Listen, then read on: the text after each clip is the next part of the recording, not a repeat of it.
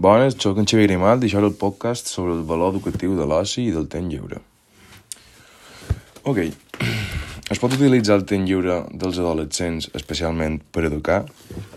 Val, jo personalment penso que sí, ja que si passes temps amb un adolescent, indirectament li has d'intentar inculcar mm, valors, comportaments o actituds que siguin correctes. Val? Eh, què es pot educar? Val, es pot millorar l'actitud d'aquesta persona. És a dir, el que tu has d'intentar és que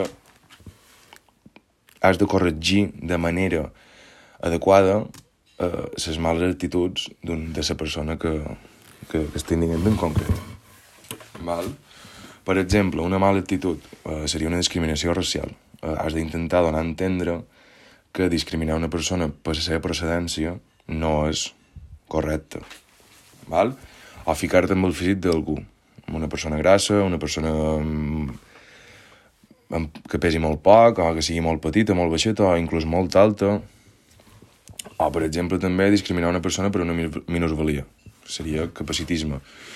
Has d'intentar donar a entendre a aquesta persona que discrimina o que realitza aquestes accions de que el que fa no és correcte.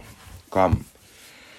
Val, eh, amb activitats que siguin adequades per això, perquè si tu de primeres corregeixes directament a la persona, ell no acceptarà aquesta correcció de manera agradable, sinó que farà com, com algo molt dolent.